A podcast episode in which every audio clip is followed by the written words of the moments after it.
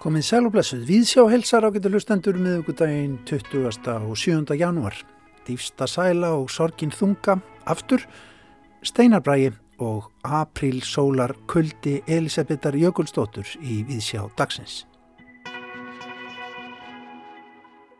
Elisabeth Kristín Jökulstóttir tók við íslensku bókmyndavelununum í flokki skáldverka á bestastöðum í gær fyrir skáldsöguna Apríl sólar kulda.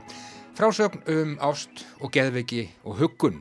Við heyrum í Elisabetu í þættinum í dag auk þess sem Gauti Kristmannsson, bókmyndagaggrinandi viðsjár fjallarum verkið. Við hugum líka að myndlistarsýningunni Dýfsta sæla og sorgin þunga í Kling og Bang Gallerí í Marsjálhúsinu út á Granda. Við reyndar heimsóttum þessa síningu í gær líka. Í dag ætlum við að taka tali Unu Björg Magnúsdóttur sem er annað tverkja síningarstjóra síningarinnar og þýðandan og ljóðskáldið Ann Karsson sem er eitt listamanna sem á verka á síningunni. Og bókvikunar hér á rásetta þessu sinni er skaldsagan Trublunin eftir Steinar Braga, bók sem að koma út fyrir síðustu jól og hlaut góðar viðtökur. Meðal annars hjá Gagrinanda Víðsjár nú fyrir jólin. Rett verður við Steinar í Víðsjá í dag. En við byrjum á íslensku bókmyndavelunum. Íslensku bókmyndavelunin voru aðfenda á bestastöðum í gær. Það var Guðni T.H. Jóhannesson, fórseti Ísland sem eh, aðfendi velunin að venju í flokki fræðibóka og rita almenns efnis þá hlaut sumarliði. Er Ísleifsson velunin fyrir bókina í fjarska norðusins Ísland og Grænland viðhorfasaga í þúsund ár sem sögufélag gefur út í flokki barna og ungmennabóka hlutu velunin. Það er Ardís Þórarinsdóttir og Hulda Sigrún Bjarnadóttir. Fyrir bókina Blokkin á heimsenda sem Mál og menning gaf út og eh, í flokki skáldverka hlautu velunin Elisabeth Kristín Jökulstóttir fyrir skáldsöguna Apríl Sólar Kulda útgefandi J.P.V.A.F. útgáfa. Lokadómnefnd skipuðu þau Einar Örn Stefánsson, Hrund Þórstóttir, Jóhannes Ólafsson og Ingun Ástísardóttir sem jáfnframt var formaður nefndarinnar. Í umsögn nefndarinnar segir um þessa bók í fjörðu skáldsögu Elisabetar Jökulsdóttur Apríl sólar kulda er fjallað á tilfinningaríkan og ljóðrænan hátt um föðurmissi, ást, sorg og get heilbreyði. Það segir Elisabeth afar personulega sögu byggða á brotum úr eigin æfi. Höfundur hefur gott valda á skáldsagnaforminu og nýtir það til hins ítrasta. Þar fær ríkt myndmál og næmni sem einkent hefur ljóðagerð Elisabeth er að njóta sín vel og blæbreyða ríkur tekstin leiðir lesandan Óvænta en hrifandi leið í gegnum átakanlega sögu. Skáldæfisaga Elisabetar er sérlega áhugaverð viðbóti í þeirri tiltölulegu nýskilgreindu bókmenta tegund. Elisabeth Kristín, hún var gestur okkar hér í Víðsjá þann 3. desember síðastliðin. Hún tók rútuna frá hveragerði og legubíl frá mjóttinni og alla leið í efstaleitið. Það var nýbúið að tilnefna apríl sólar kulda til íslensku bókmynda velunanna þegar Elisabeth leit við hjá okkur í skamdegismirkrinu í byrjun desembermánaðar og við byrjuðum auðvitað á því að óskarni til hamingju. Já, takk fyrir, takk fyrir. Þú lítur að vera glöð? Já, ég er bara mjög glöð og þakklátt og bara allur regnbói tilfinningana og að því að myndist á hveragerði þá verði ég að segja að þegar ég kom í rútuna þá var þar kona í, í hérna, skóðsíðum pels svona eldri kona með hérna loðhúu og alla græur og hún þekkti mig gegnum grímuna og óskaði mér til hamingju og svo tók ég legubil hinga frá mjöttinni og þá var legubilstjórin líka alveg með þetta á hreinu og Já. þannig að þetta fylgdi mér bara eins og perlufesti. Það þekkja þig allir Elisabeth og það barst nú uh, frétt af, af annari tilnefningu bara núna rétt á þann, það eru fjöruvelunin þar. Er þú líka tilnefnd fyrir apríl sólar kulda til haf mikið með það líka. Já, sópa að með tilnefningu Já, nákvæmlega, hlaðið undir þig. Þessi bók, Elisabeth uh, uh, apríl sólar kuldi frásögnum ást og geðveiki og huggun, Já, það er rétt. Mér varst tímill komin að skrifa um huggun svolítið, Já. að skrifa svo mikið um ást og geðveiki og dauðan hérna mm -hmm. og síðustu árum Þetta er bók sem að, já, hún hefst á því að, að aðalsöguhetjan hún fær uh, fréttir af andláti föður síns, þetta er kona sem heitir Vétís og um, svo kemur ástinn inn í spilið og, og, og, og geðveikin, allt í réttir rauð. Já.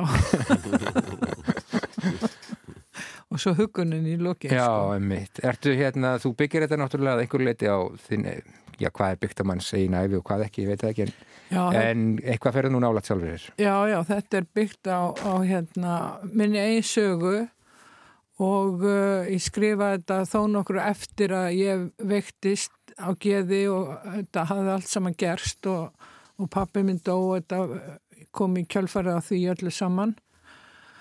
Og hérna já, þannig að nú dætt ég út Já, já, það er eftir leið. Þú ert búin að svara þessu.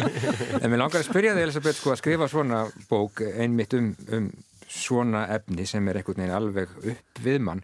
Upplifur það að það sé, um, nú skrifa menn af ymsum ástæðum en, en finnst þér það að einhverju leiti vera svona, já, heilandi að, að skrifa nákvæmlega um, um, um þetta efni? Já, ég hugsa þetta bara eins og vísindamaður. Já. Það er mikið um vísindamenn í fjölskyldinni, Þór Jakobsson og allt þetta lið, sko. Já, veðurfræðingur. Hérna, já, veð, veðurfræðingur og hafísfræðingur og ættfræðingur og ég veit ekki hvað og hvað, sko. Þannig að ég vildi nota svona að ég var svo harmi lostin yfir að veikjast og geði og uh, þannig að ég vildi vita út af hverju og mér fannst ég skrifa fyrst leikrit sem um þetta til þess að vita hvað hafði gerst og, og líka þessa sögu til að vita hvað hafði gerst af því þetta var svo hræðilegt.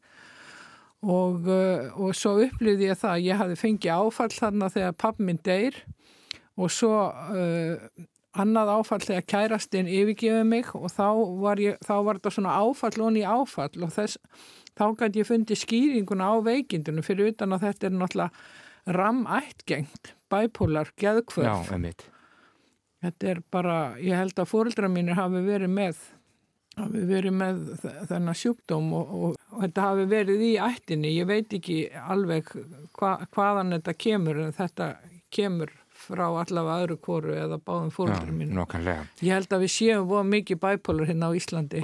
Elisabeth, ég hef séð að gaggrinendur uh, hafa skrifað um þína bók og, og, og svona uh, minnst á það að þú væri svona einhvern veginn agaðri í þessari bók en, en mörgum fyrri bóka uh, ég held að ekki verið að meina að, að þínar fyrir bækur séu óagaðar í vondri merkingu, heldur, heldur bara góðri um, Vertu sammála því? Er þetta, er þetta rétt? Ég, já, ég reynda að veita ekki að því ég hef líka heyrt lesendu segja þetta sé algjör rússipanna reið þessi bók sko, og sé svona skrifið í einum andadrætti þannig að, að já. Kannski skipta skoðanir. en þetta er kannski sko það er vist dræfi í þessari sögu ef ég má já, það, Já. Hún, hún keirist mjög vel áfram sko, þú veist, það er hún er mjög innbeitt. En, já, mm það er kannski það sem að gera hana agaða Já, viltu ekki gefa okkur tóndæmi, Elisabeth, og lefa hlustendum að heyra, heyra brot úr, úr apríl, sólar, kulda? Já, þú eru að gefa mig merki þegar ég er búin að lesa of lengi. Ég stend vaktina. Heru, það eru hérna tilengunar orð sem ég vola hrifin af sem eru svona. Heiminum hefur verið gert svo margt, vitnaði Jóhannu Kristjánsdóttur. Fyrsti kapli. Dáin, dáin. Hvernig gæti það verið? Hvað þýtti þetta orð? Hún skildi ekki orðið. Henni var gjörsanlega fyrir munað að skilja það. Það var eins og hún væri fáviti. Hún endur tók orðið upphátt og í huganum aftur og aftur dáin, en hún var einhver nær og nú var þetta orð farið að stjórna lífið hennar. Þessi saga er um unga stúlku á norðurkveli jarðar sem missi pappa sinn og atbyrðina í kjölfari þess. Hún veikist á geði því hún getur ekki sínt neðin sorgaviðbröð. Hún verður ástfangin eftir dauða föðurins og kynni stópi í leðinni. Þegar kærastinn fyrir frá henni sínur hún heldur engin sorgarviðbröð, geðveikin nær tökum á henni því hún hefur fengið áfall ofan í áfall. Fyrst mist föðurinn, svo kærastan. Sjúkdómrennar er sennilega meðfættur en brist nú fram. Og hver veit hvort það að hún stendur á þröskuldi fullorðinsárana hefur sín áhrif. Hún vill ekki fara með barniðin í fullorðinsárin því fyrst þarf að næra og hugga barnið, benskuna. En hefst nú sagan. Þetta er svona ákveðið trygg sko að segja um hvað sagan er í upphafi sögunar. Það býða skilabóð til hennar millir hárra fjalla um að ringja heim. Þegar hún kemur heim með litla strákin sinni farið að kvölda, hún hafi farið í skólan eins og venjulega um morgunin og fjöllin sem umlugtu plássið voru jafn há og venjulega. Stundum satt hún í stól í stofu á þriðjuhæði við sjóin og eina sem sást út um gluggan var fjallið og hafið. Fjallið var ótrúlega stöðugt og það myndi alltaf vera þarna. Sjórin sildi hjá í misjafnir byrtu millir húsins og fjallsins. Hún gæti setið þarna til eilíðar með grátt grjótið og blátt hafið fyrir augunum og hún gerði það stundum. Fjallið var á hreyfingu, hafið var stöðugt, fjallið og hafið voru eilíf og hún trúði ekki á dauðan. Hugsaði aldrei um dauðan og hafði ekki kynstónum. Hún myndi alltaf lifa. Þó var eitthvað við þetta útsinni sem myndi á forgengileik manneskunar. Þess vegna gæti hún setið þarna svona lengi. Hið eina sem manneskinu var mögulegt að skilja eftir sig voru minnismerki og nýjar kynnslóðir. Hún hafði farið með litla strákisinn til dagmömmunar eins og venjulega. Hann var tveggjára og þau byggu í tilkomi mikillir leigu íbúð kaupmas ekku sem hafði yfirgefið plássið eftir að maðurinn hennar dó en kom við og við í dularfullar heimsóknir. Pappennar hafði komið í kring að hún fengi íbúðin á leigu gegn því að velrita minningagrein sem ekki hann hafði skrifað um vinkonu sína. Það var hátt til lofts og vitt til vekkja, margir stórir glukkar gerðu íbúðina bjarta og konunglega eldúsi var blá málað og í því risastort borð sem mátti gera allt við. Piano í stofunni og baðker og ljónsfótum í baðherbyrginu. Á neðri hæðinu var eigðivestlun sem kaupmasjónin hafði átt og þegar hún helt parti lættust þau niður og skoðuðu lagarinn. Undarlega fín efni í ströngum með gamaldags síkildum minstrum og skrautlega tölur og gulnuð auglýsingaspjöld. Þegar hún vildi kæfta ein við einhvern sætan strák stunguðu af henni lítið herbergi inn af íbúðinni og samkvæmið helt áfram af sjálfu sér á efrihæðinni, keirt áfram af orku sem laud eigin lögmálum. Á hæðinni fyrir ofanana var vegagerðin til húsa. Það var verið að reyna skipulegja hinn að krókóttu vegi sem hlikkust yfir fjöll og meðfram hengiflugi og ábúðar fullir menn skutust upp og niður alla daga. Henni fannst gott að hafa vegagerð í húsinu sínu.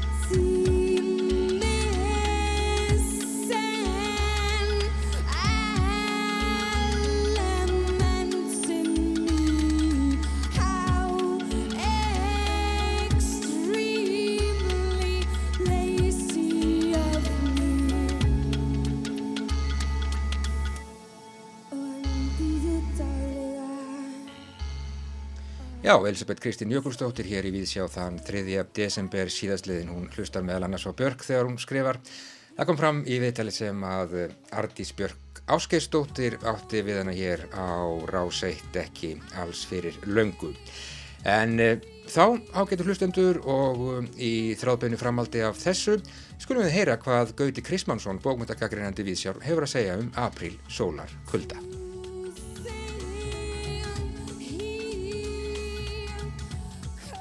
Við elskum þá sem við eigum.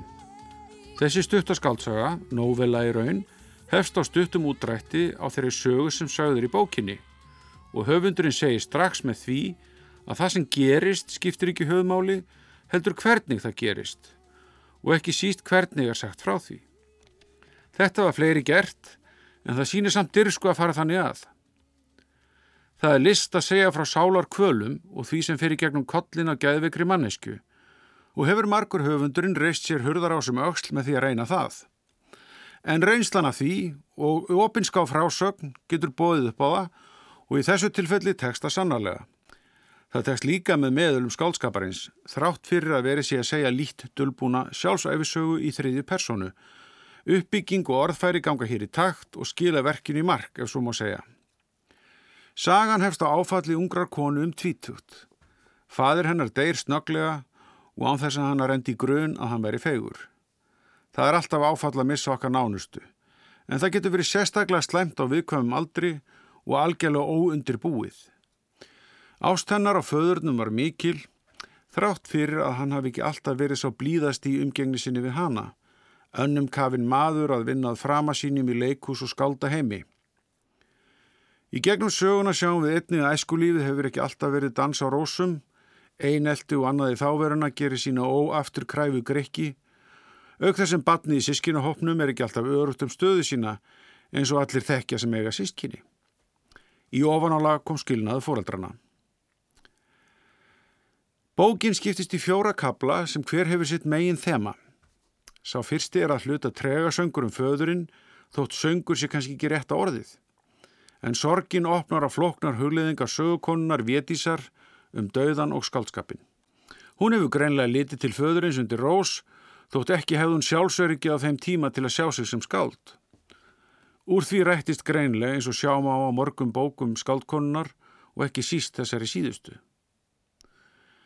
En áfallið verður til þess að hún frýs einhvern veginn og getur ekki gefið sér sorgin á vald eins og lýsir mjög vel og trúverðulega. Áfallið er á mikið til að hún geti syrt og augljóst verður að sá missir og annar til valda niðurbroti á sálarlífi söguhetjunar. Ekki strax, eins og flestir reynir hún að berjast í gegnum áfallið þrátt fyrir það. Og hún sér núna, svo löngu síðar, að það er kannski megin orsök erfileikana sem í kjálfarið fylgja.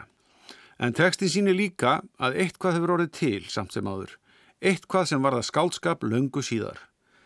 Það er bara ekki víst að allir nái því að gera upp svo erfiða stundir með skálskapnum. Það hefur þó gerst hér og er það vel. Í öðrum kabla finnur hún svo ástina, hugsanlega allt og fljótt eftir áfallið og hún sógast inn í ástarbríman sem er slík víma að hann yfirgnæfir að framann af áfengis og fíknefninesluna sem þau skötu hjú yfkaf krafti það sömarið. Þarna opnar skáldkonan heim sem margir gengu í gegnum á áttunda áratugnum af mismiklum krafti. Einhvers konar síð hippa stemning með áherslu á fíknefna þáttinn fremur en frelsun heimsins. Þetta var ekki einungis uppfinning þessara kynnslóðar, heldur einni þeirra tilfinningar sem grasseraði þá að smáborgarháttur veri fyrirlitlegur og var það arfur undanfarandi bóhema kynnslóðar. Fyrir nú utan þessi venjulegu fyllir í Íslandinga, kójufyllir í eins og bróðir kærastans stundaði landlegum. En fyrir hana var ástinn allt og ekkert, heilt haf af brótættri hamingju þótt undan ástarflóðinu hafi fjarað nokkur hratt. Þriðji kaplinn lýsi því að hluta en er einning notaði til endurlits í æsku og hugleðingum tilveruna eins og reynda gerist víðar. Það er einnig lýsing á tímabili þar sem söguhetja mann á kleppi og þar má sjá ekkert ljós en þá taka fíknefni við og hún missir fótana. En neistlan er kannski ekki endilega orsök í þessu tilfelli. Heldur að hluta afleiðing áfalsins og hins að umhverfið tekur völdin. Elskvíinn dásamlegi hefur mestan áhuga partilífinu eftir að honum áskotnast fíja í sjómennsku. Einn persóna kemur lítið við sögu, vísast til allra hamingju, barnið hennar sem er í sveitinni meðan á því mesta stendur. En uppúrstendur að ástin er ekki framtíð og hamingja, heldur hreyfing eins og sagt er við hana. Spurningin er bara hvert hún hreyfist. Lokakablin er magnaðastur í byllandi maníu sem söguhetjan lendir í eftir að hún missir kærastan til Noregs. Hann fer frá henni án þess að skilja beinlýnis við hana. Hann fer bara til Noregs, af öllum stöðum. Kanski hafði hann fengið nóa eigin sukki. Þetta áfall bergmálar hefði fyrsta og það er líkast til kortnið sem fyllir mælin. Við tekum lýsinga maníu þar sem sögukonan er að þeysireið í eigin höfði og um Reykjavík og þar sínir skáldkonan aðdáðan að verða leikni í að lýsa samhengislösu ruggli þannig að fullkomið samhengi sé í. Söguhetjan sér samhengi í hverju smáadriði sem á vegi hennar verður og það er spennand að lesa hvernig allur okkar samhengislösi heimur hangir saman á tólkun og orðum. Þetta er sankallað rússibanni skelvilegur og skapandi í senn. Og þarf að vera að reykja nánar hvernig sagan fer. en ekki var hjá því komist að lýsa því sem á undan gekk til að fá sína á hvernig höfundunum tekst að tengja áföll og sálarangist þannig að heldar mynd sé á. Hún beitir einnig skáldlegu meðulum eins og mælskulist, ljóðrænum sprettum og velhefnið myndlíkingum eins og þeirrum hafið sem er endur tekinn framan af. Þangað til geðveikin er yfir höndinni. En mikilvægast orðið kemur aldrei beint frá söguhetjunni, þótt við áttum okkur á því, að það er líkilorðið fyrir personin lókin. Nákvæmlega það sem þessi saga segir okkur með dramatískum hætti er að þetta eina orð er björgunarhingurinn. Þegar okkur skólar þangað út á hafið þar sem lífið likur við. Þá, og kannski aðeins þá, geta þau sem okkur elska á eiga bjargað okkur. En þá verður líka að segja það. Saði Gauti Kristmánsson um skálsöguna Apríl sólar kulda eftir Elisabetu Kristínu Jökulsdóttur sem tók við íslensku bókmyndavellununum á bestastöðum í gær sannkallaður Rússibanni, sagði Gauti meðal annars skelvilegur og skapandi í senn. En meira forvetnilegum bókum sem kom út fyrir síðustu jól. Skálsagan Trublunin eftir Steinar Braga er bók vikunar hér á ráseitt að þessu sinni. Sagan segir frá hlýðarheimi við okkar veruleika sem að kallast Trublunin og sem er alveg eins og veruleikin utan tröflunar nema hvaða tíminn líður hraðar í tröflunni. Reglulega eru vísindamenn sendir inn í tröflunina, þetta skurnarsvæði veruleikans og hliðarheimsins. Í sögun er fylst með félagssálfræðingnum Höllu sem að hefur fengið það verkefni að fara í gegnum hjúpin og leita upp í agentin F sem að er horfin. Hér er Halla nýkomin í gegn, það er höfundur sem að les. Við gengum til söðurs eftir óðenskötu og begðum hjá torkinu. Götumyndin var nokkurn veginn svo sama og ég var vön úr herminum. Það var munur en ég sá ekki í hverju hann fólst. Þegar ég svipaðist um var eins og ég væri að missa af einhverju smávægilegu. Húsi sem hafi verið málað í öðrum lit eða skildi sem hafi verið breytt.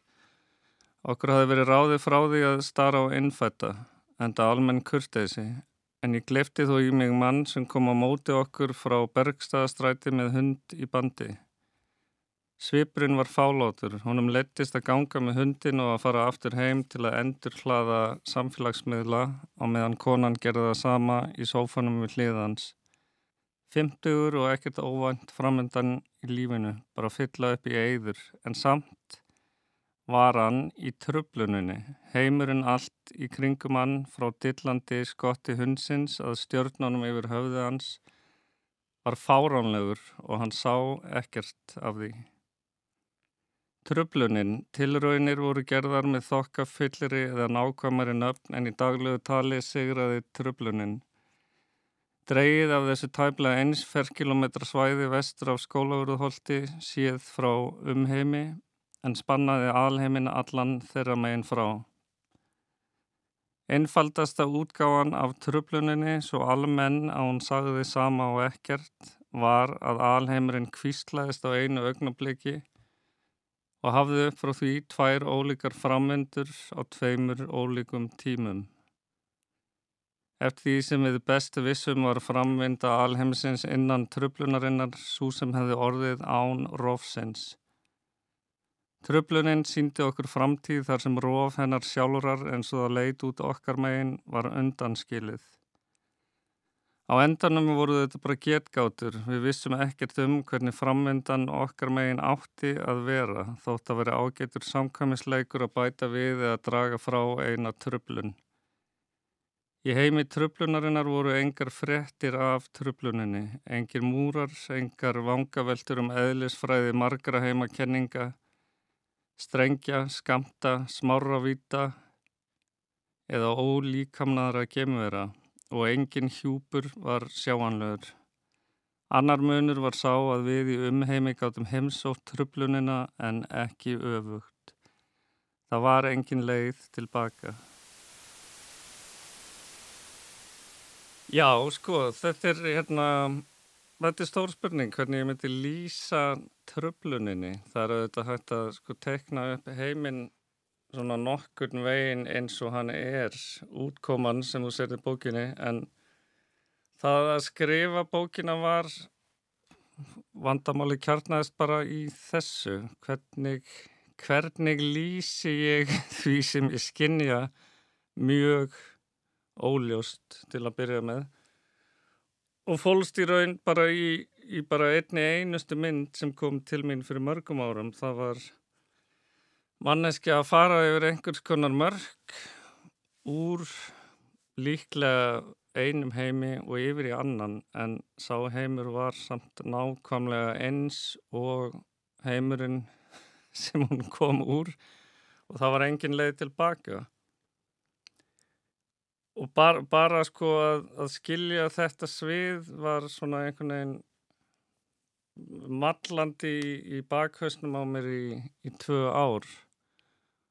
Og að uh, tekna upp atbyrðarás sem útskýrir þessa mynd og svo hvað gerist í framaldi af því það verður ju eitthvað að gerast í bókum þannig að ég er, ég er í sjálfu sér ekkert sko hissa á að margir eigi erfitt með að skilja þetta sko í, í kvelli það var nú reynda markmiði sko að fólk skildi þetta í einum lestri að, að já, það er mitt hlutverk að sjá til þess nokkur nú einn að það náist. En það, það var samt sko fyrir sjálfan mig þá var ég alveg fram á sko síðustu stundu að, að ná utanum þetta sjálfur? Ég trúi því því að þetta sem þú lístir að fara á milli heima yfir skil og heimatnir eru faktist eins eins og afrið hver af öðrum. En fórst að tengja þetta við tölvuvæðinguna hinn stafræna heim og gerfigreind og reyndar ímislegt annað og þessa gigantísku gagnasöfnun sem ásýrst að í heiminum í dag. Já, þetta, þetta var nokkur veginn sko stefnan og sko sköpunarsaga bókarinnar er lengri heldur en hjá með nokkra aðra sem ég hef skrifað. Ég byrjaði á þessu fyrir liklega fjórum árum. Mikil heimildafina? Valla það, ég veit það ekki. Ég bara le, les almennt mikið um hitt og þetta og, og kalla það aldrei heimildafinu og svo verður eitthvað til sem stundum er byggt á því en ég man að sko forstíð að þessari bók var, var heil skáltsaða sem ég skrifaði á ég eti líklega hálfa ári að skrifa og gerðist á tungli einhverstaðar lengst út í alheimi eftir 300.000 ár þar sem mannkynnaði reyðrað um sig og jörðin var bara einhver gömul góðsögn og á þessu tungli var var eitthvað að gerast varðandi langt þróaða gerfigreind en, en annars var þessi texti allur döður á einhvern hátt. Þetta var svona skissa sem ég var samt að klára og þetta var svo lélegt og flatt að ég gæti ekki einu stólið einni málskrein úr þessu til að nota síðar. Þarna var eins og, sko, og þema vildi fæðast. Og svo skrifaði ég næstu skálsu sem gerðist í miðbæ Reykjavíkur og nálgæðist þetta þema enn meira.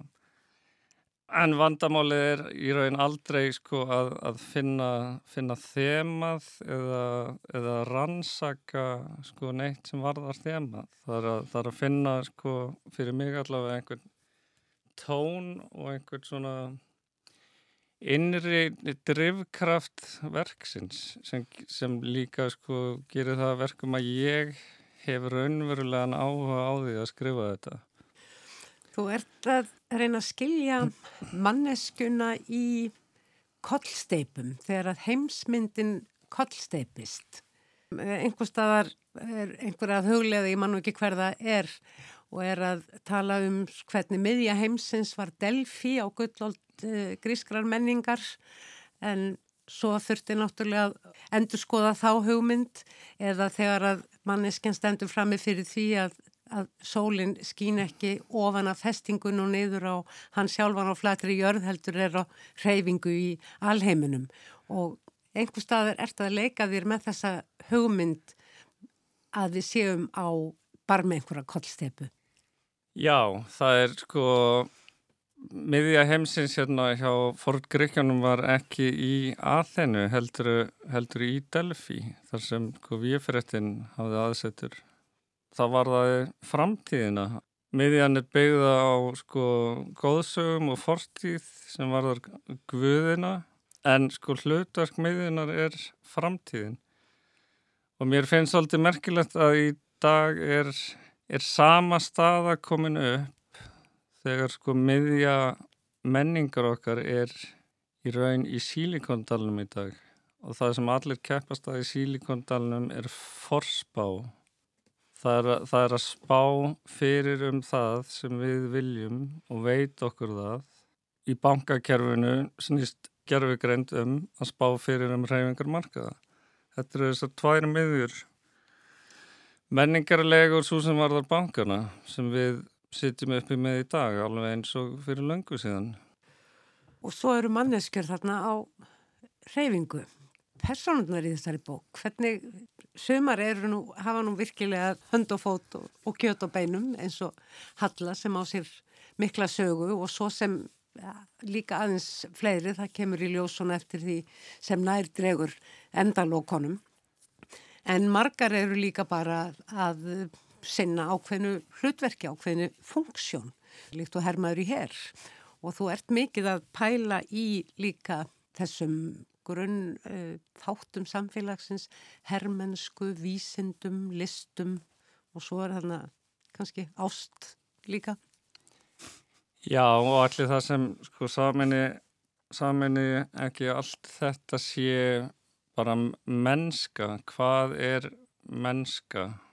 Og uh, hvernig er mennskan að breytast á, á stafrænum tímum og hvernar sko er for, forspár nálgunin um hegðun okkar og mennsku farin að aktíft stýra því hver við erum frekar en að endurspegla það.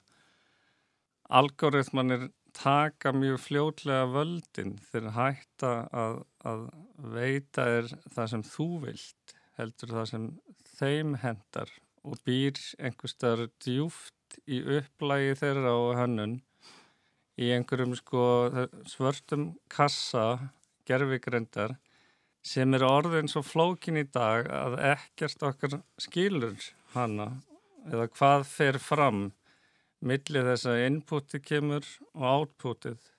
Og mennskan er sko, ég veit ekki, hún er að harða hlaupum. Og það, ég held að hafi aldrei verið, sko, vígumvöllurinn hafi aldrei verið starri og pólariserari þegar kemur að því hver við erum í dag. Þessi persóna Halla, við fylgjum henni mjög þjætti gegnum söguna og hún leiður okkur. En líka vegna þess hversu lítið hún veit afvega leiður hún okkur og uh, gefur hugsun okkar í gegnum söguna ákveðið fóður. Um, þetta er ákveðin aðferð við líka byggja upp söguna og skapa ákveðina spennu. Já og í raun er, er sko mann ákveðnar skorður settar með þessa sögu að, að því í raun er hún öll ein afvegaleðing frá fyrstu línu. Að það er ekki hægt að tala í raunum um kjarnaverksins nema óbeint það eru þannig vendingar nokkrar í lokin. Þú ætti þið vendum höllu? Já, algjörlega, ekki frá upphafi. Ég veit ekki, það er einhvern veginn þess, þessi svona tvíræða nálgun höfundar á personur að, að þér lærir að þykja vandum þar en, en reyfi aflsögunar er yfirleitt einhvers konar einhvers konar vonska og, og að setja og að búa til aðstæður sem eru í jafnvel já hræðilegar. Fyrir personuna og, og bara almennt. Já, en ég, ég get alveg sko játa það, ég, ég geri alltaf mitt besta til að bjarga mínum personum úr, úr erfið aðstæðum þótt að hafi ekki tekist endilega hinga til. Jórun Sigurðardóttir rætti við Steinar Braga um trublunina, bók vikunar hér á Ráseitt.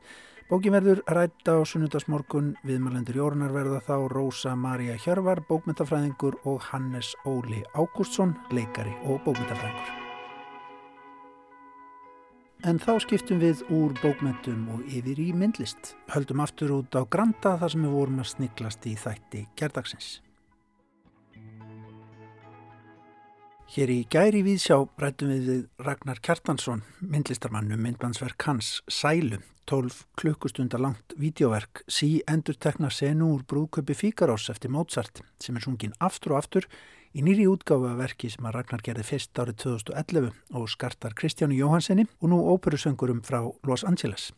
Verki er hægt að sjá á síningu í Marshallhúsinu út á Granda í Kling og Bang galeríi á síningu sem heitir Dýfsta sæla og sorgin þunga. Titillinn er fengin úr eftirfarandi ljóði eftir ólöfu frá hlöðum sem var uppi á árunum 1857 til 1933. Dýfsta sæla og sorgin þunga svífa hljóðlust yfir storð. Þeirra málei talar tunga, tárin eru begja orð.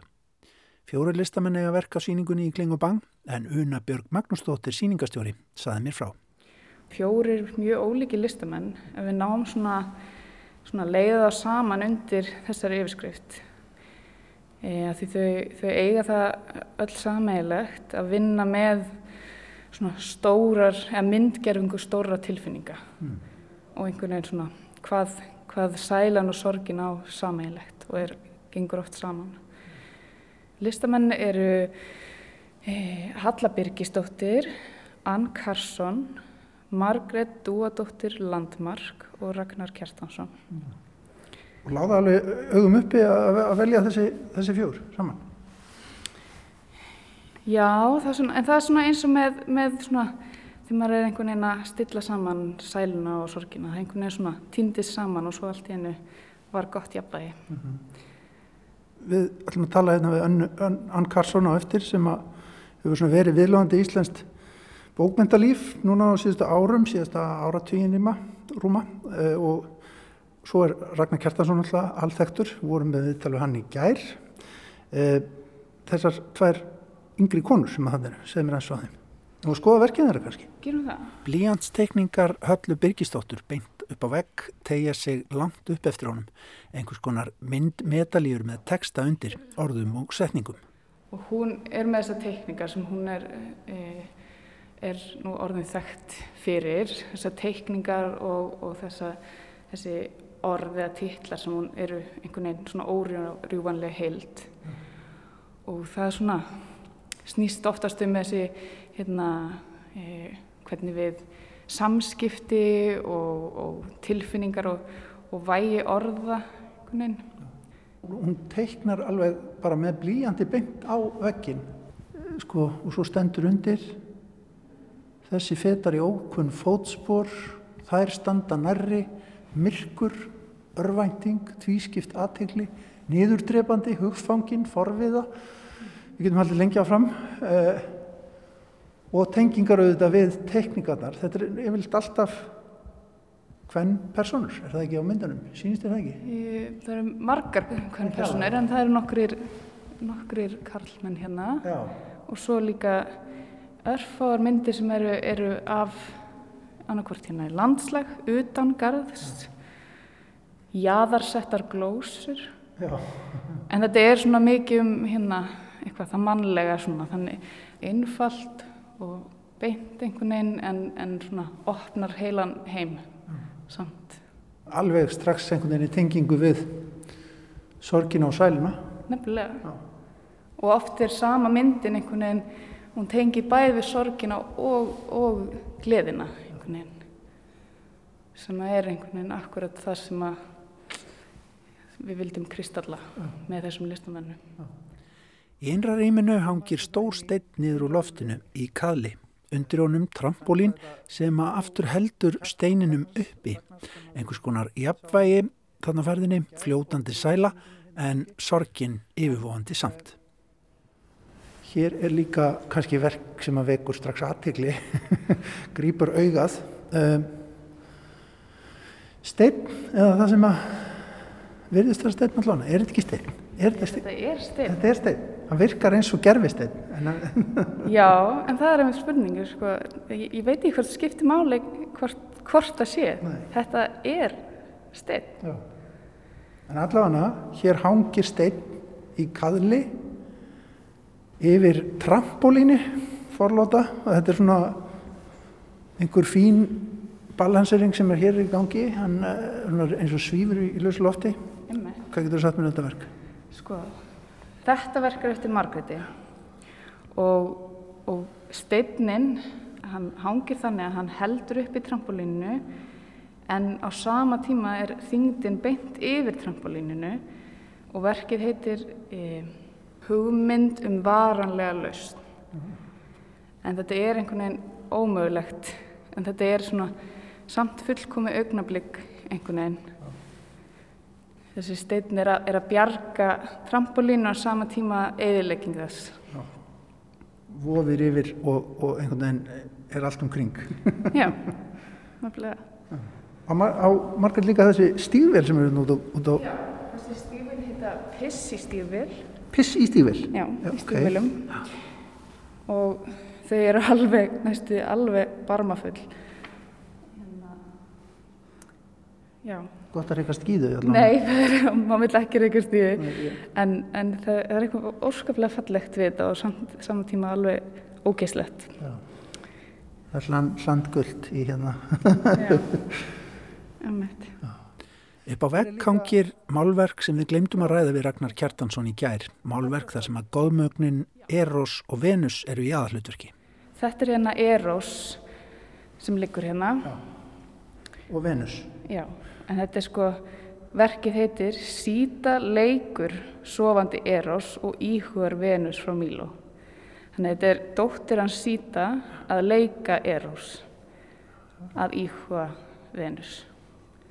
Á teppinu, heima. Þannig að það er, það er einhvern veginn mikilvægt, mjög mikilvægt í verkinu þetta er ekki eftirmynd af Eros. Þetta er barn að leika Eros. Sko, þetta er, þið viljið dálitið, sýningastjórnir hérna og, og listamennir auðvitað, að við komum kannski huglega um þetta tvent, sæluna og, og, og sorgina Já. á þessari sýningu. Já, því við, einhvern veginn við eigum það til að setja þetta einhvern veginn í sikkort hólfið því þetta er svo nátengt og stundum finnum maður fyrir þessum tilfinningum bara á hérna sama tíma. Og ekki síst fyrir saman listaverk, það getur alveg gert. Absolutt, já. En líka einhvern veginn við stundum svona tökumst við á við það eins og það sé ómögulegt, En er nöðsilegt kannski. nöðsynlegt.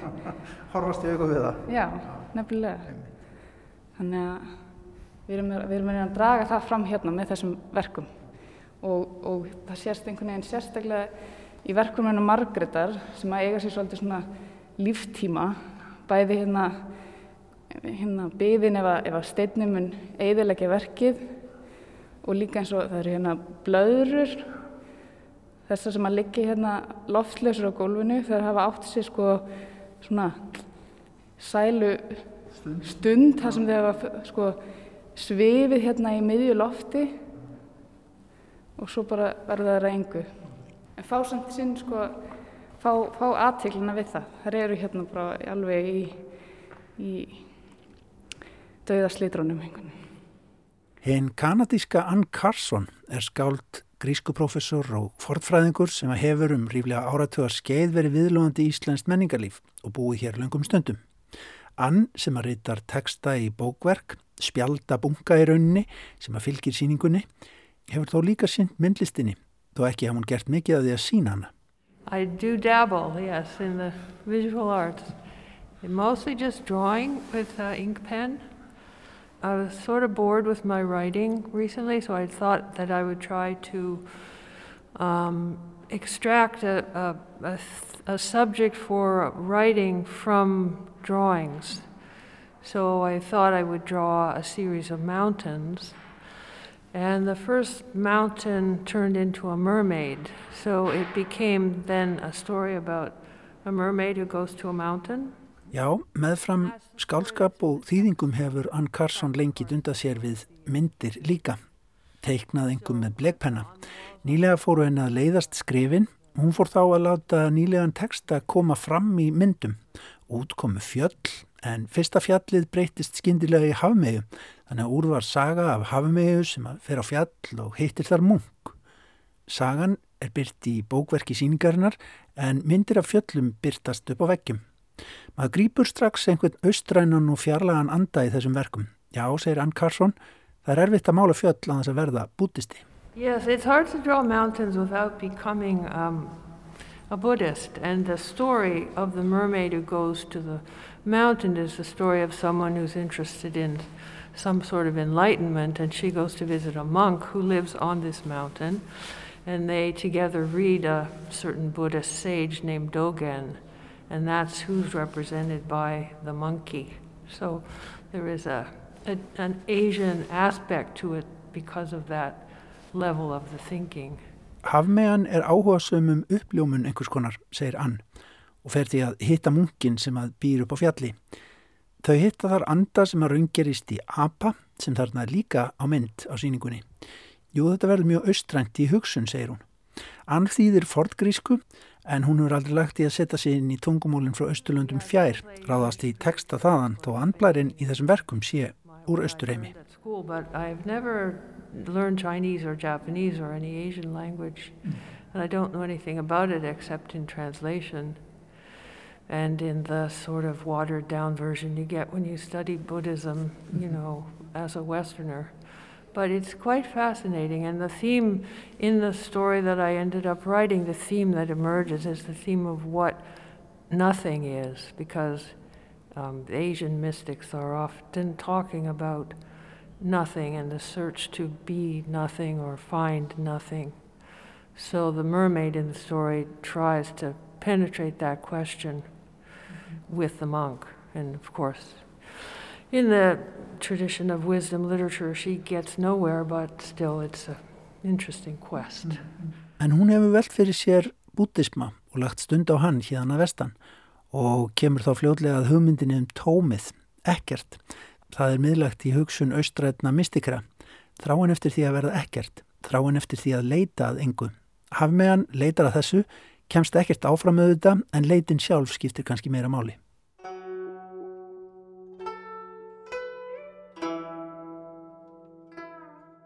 Við Ann Karsson flettum spjöldunum í bókverki síningarinnar. Bókverkið geymir þessa sögu. Við grípum niður í hana, sagan er gagsæ, ég læta vera að þýða þetta.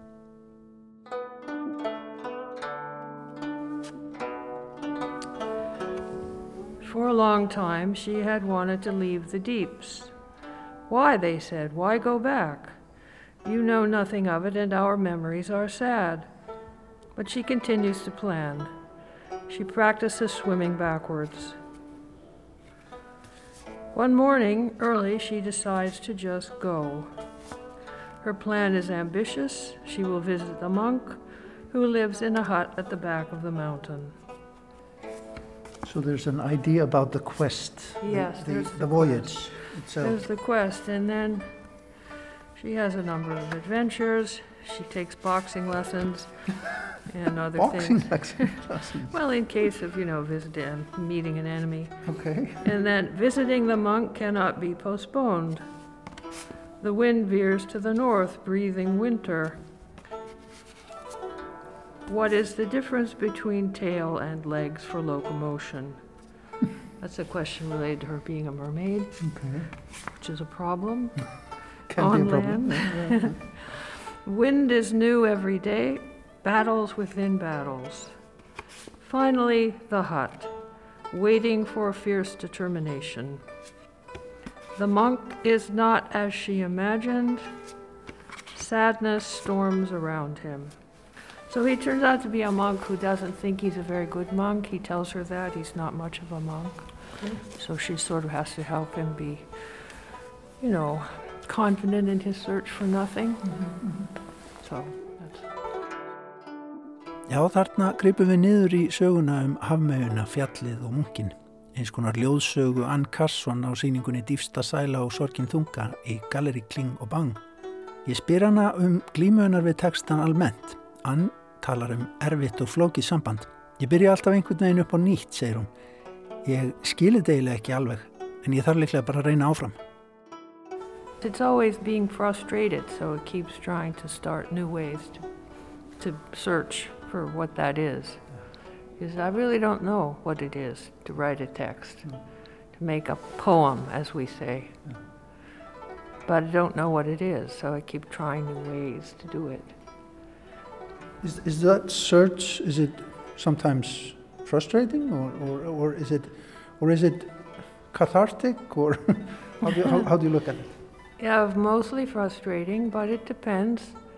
When I have an idea, you know, ideas are always great at the beginning. There's a, a sort of elation that comes with the beginning of an idea, and then as it works out, it becomes the limited thing that it is. Mm-hmm. and finally it ends, and then you're back in the desert again. Mm-hmm. So it's up and down. Mm-hmm. The quest goes on. The quest goes on. unfulfilled, ever unfulfilled. That's how the story ends. She comes back to the monk after questing in the in the upper reaches of the mountain and the monk is still there and he's still frustrated and they sit down and eat yogurt together. This is the best we can do. exactly. Thank you very much, Anne. Thank you very much. Skrifa texta er stanslust leit sem að fyrir upp og niður, segir Ann Carson, rétt eins og leit hafmærunar í sögunni hennar sem að leitar að tóminu. Hitti munkin, þau borða saman jógurt, það er kannski bara ágætt. Já, gaman að ræða við Ann Carson um verk hennar sem eru hluti af síningunni Dýfsta Sælan og Sorgin Þunga. Það er líka verk Ragnar Kjartansson eins og við heyrðum um í gær Margreit Dúadóttir Landmark og Halla Birgisdóttir. Og svona ætlum við að ljúka viðsjá í dag viðsjá hér aftur á sínum stað á sínum tímalöst eftir klukkan fjögur á morgun. Þá ætlum við meðal annars að huga að síningu sem opnum verður í listasafni Íslands á laugardag. Hún nefnist Berangur og á henni má sjá úrval landslagsmálverka eftir Georg Guðna frá síðustu starfsárum hans. Við ætlum líka að minnast sænska leikskálsins Lars Norén sem andaðist í gær 76 ára að aldrei koronaveran varð honum að falli stórnafn í norrænum leikbókmentum og Kristrún Heimistóttir lágfræðingur, hún heldur áfram að huga að ströymum og stefnum á árunnu 2021. Meira um þetta allt saman á morgun en við segjum þetta gott í dag, takk fyrir samfélgina kærlega, verið sæl.